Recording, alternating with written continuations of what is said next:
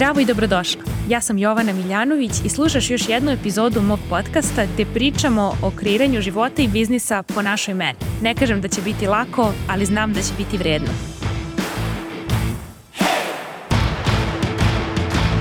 Zdravo i dobrodošli u današnju epizodu gde pričamo o tome koja je razlika između preduzetničkog i perfekcionističkog mindseta. Obzirom da radim sa ženama koje su od 30 do 45 godina, uglavnom su e, žene koje su završile fakultet i master i dosta njih ima i doktorat ili je trenutno u procesu dobijanja i doktorske diplome. Ono što ih često muči jeste upravo taj perfekcionizam i moment u kojem nikada nije dovoljno dobro i moment u kojem je mozak zapravo istreniran, posebno kod ljudi koji su na doktoratu, ljudi koji se bave naukom, ljudi koji rade research i onda su istrenirani u mozgu da traže probleme i da vide šta se ne uklapa. Isti princip sam primetila s ljudima koji su genijalni, briljantni, koji su advokati, njihov mozak isto funkcioniše u tom smeru i to često ume da bude koliko je moćno u nekom smislu, toliko je u drugom smislu pogubno, e, kao i sve ostale osobine, tako da ukoliko si i ti u perfekcionističkom mindsetu, nemoj da misliš da je to nerešivi problem, jer to nije tačno. Razlika između preduzetničkog mindseta gde ti zapravo preuzimaš odgovornost za svoj rezultat i nema krivice, ima uvek samo jedino odgovornosti i ne izjednačavaš sebe sa svojim rezultatom. Znači ti si ti, a rezultat je rezultat greška ne znači da si ti greška, nego da si ti napravila grešku i da si ti odgovorna za grešku i da ti imaš u rukama moć da tu grešku obrneš u nešto iz čega ćeš naučiti. S druge strane, perfekcionistički mindset ti konstantno upire prstom i kaže ti si kriva, vidi kako si pogrešila, vidi kako si glupa i šta god uradiš nikad nisi zadovoljna, uvek tražiš video, ali ovo nije valjalo. Ako prepoznaš da si ti jedna od onih ljudi koji kad dobiju kompliment kažu a da, ali ovo nije dobro. Znači da si se malo upecala na perfekcionistički mindset. Znači to nije nešto što je fiksno, to je nešto na čemu možeš da radiš. I zato je ova epizoda tu da ti osvesti da li si ti u tom sosu i ako jesi da se čupaš iz njega. Daću ti primere preduzetnički versus perfekcionistički mindset. Dakle, preduzetnički mindset, preduzetnica se pita kada dođe do nekog zida, šta je moj sledeći korak? Šta bih mogla da uradim sledeće? Šta znam? Pošto ovo ne znam, ok, a šta znam? Ona ima osjećaj u svom telu da sve što se pred nju postavi kao problem, ona ima u sebi resurse da dođe do rešenja. Znači možda nema rešenja sad u ovom trenutku, ali ima resurse u svom mozgu da dođe do rešenja ona konstantno ima osvešćeno da ona je ta koja pravi izbor, da je ona ta koja postavlja jasnu nameru, da je ona ta koja donosi odluku. Uvek zna da šta god se desi skontaće nekako kako da se snađe, kako da nađe rešenje. Način na koji preduzetnički mindset radi jeste moment da sve što se dešava je nešto na šta ti imaš uticaj kako ćeš odreagovati, ako ne i na to kako će se nešto odigrati. Jer ne možeš da kontrolišeš svet, ali možeš da kontrolišeš način na koji ti reaguješ i odgovaraš na situacije koje se dešavaju. Znači, najveća razlika je ta kompletno preuzimanje odgovornosti i postavljanje pitanja drugim ljudima tek kada si sama uradila sve da dođeš do odgovora. Znači, to je možda razlika broj jedan. Nemaš taj strah od greške i neuspeha i postavljaš pitanje tek onda kad si iscrpela sve svoje ideje i kad si bukvalno u fazonu pa moram, stvarno nešto ima što ja ne vidim, moram da pitam. Dok perfekcionistički mindset, kad je žena, kad se zarobi u takvom načinu razmišljanja, ona konstantno postavlja pitanja. I na svaki odgovor ona ima još tri pitanja zato što se ona panično boji greške i panično se boji sebe, ne drugih da će da je osude, ne drugih da će da je kritikuju, nego da će ona sebe da satre od kritike ako napravi grešku. I onda je njoj lakše da krivi mentora ili neki program ili bilo koga, mamu, tatu, državu, samo ne nju. Jer ako okrivi sebe, ona je gotova, jer ona sebe prosto nije došla do toga da sebe zaista bezuslovno voli i prihvata onako kakva jeste, nego i dalje izjednačava sebe sa svojim rezultatima. I zato se panično boji toga da ona postavi jasnu nameru, donese odluku, stane iza nje, jer Bog te ako ne uspe, ona će pomisliti da je sve najgore. I to ne može da izdrži. Iz tog razloga taj tip mindseta kad se neko zaglavi u njemu možemo da prepoznamo po tome što postavlja pitanja za nešto na što znaš da je žena sposobna sama sebi da odgovori, ali neće. E a zašto neće? E onda kopamo i vidimo da li je to zbog toga. Drugo, često su zarobljene u traženju kako. Ne mogu da veruju u sebe i u proces, sad proces u Boga u koga šta veruje, ko razumeš, ali poenta priča je da one nemaju tu veru. A vera je nešto bez čega nema ničega, pa ni biznisa, jer ne možeš sve da znaš, nisi Bog.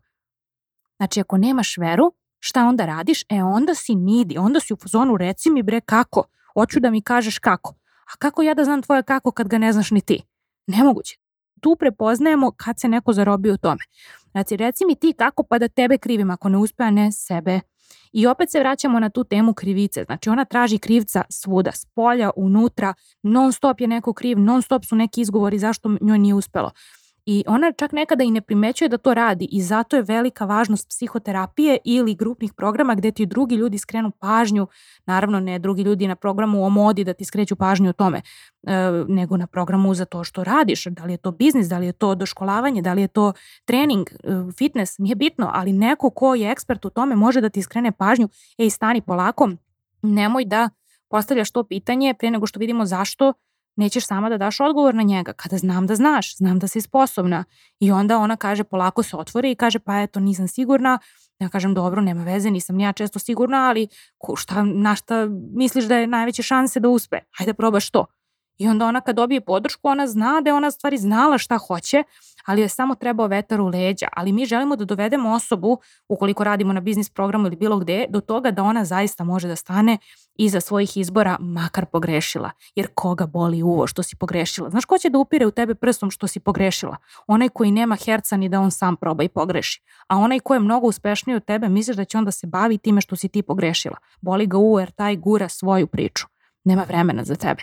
Znači jedino ko je tu neko ko će ti tražiti grešku si u stvari najviše ti sam. Tako da su to e, neke od razlika. Ono što sam isto primetila u radu sa ženama jeste što kada neko je stvarno rođen sa tim preduzetničkim mindsetom, on uživa u procesu. I stvarno ti vidiš razliku, bre, neko se muči, ne ide mu, a on se smeje i kaže mora da ima nešto što ne vidim ili čoveče, čekaj da vidim kako bre nešto, nešto mi ne ide, stani da li da probam ovo, nekako ne odustaje. Ti vidiš da je ta osoba ono smorena, što to nešto nije uspeo, nije uspeo launch ili nešto, ali u fazonu je provalit ću ga i bitnija mu je ta strategija i kako dolazi do rezultata nego koliko novca, koliko klijenata, koliko, koliko, koliko, zato što on sebe ne validira kroz posao, nego je posao u stvari zabava i uživanje i nešto što je njemu strast ili njoj. Tako da to je razlika koju vidim, znači da je proces bitniji od cilja, dok je nekome ko je u perfekcionističkom modu e, fokus na daj mi hoću odmah da potvrdim cilj, da odmah dokažem sebi da sam dobra. To je razlika, znači e, ima taj moment hoću brzo, hoću brzo, žuri mi se i to je iz razloga što definiše sebe kroz taj rezultat i proces i onda ne može da dozvoli sebi da ide polako zato što mora da ubrza da dokaže sebi da je vredna.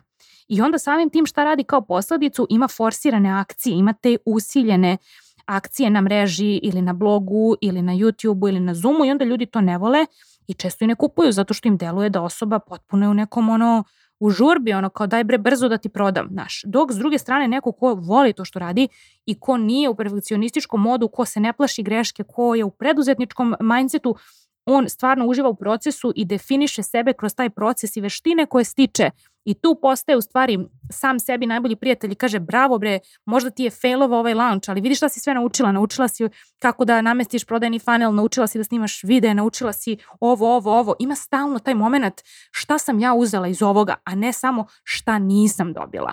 Još jedna ključna razlika između preduzetničkog i perfekcionističkog ili nisam dovoljno dobra mindseta jeste što neko ko ima preduzetnički mindset se oslanja na svoje super moći i zna da će čuvati sebi leđa šta god da se desi.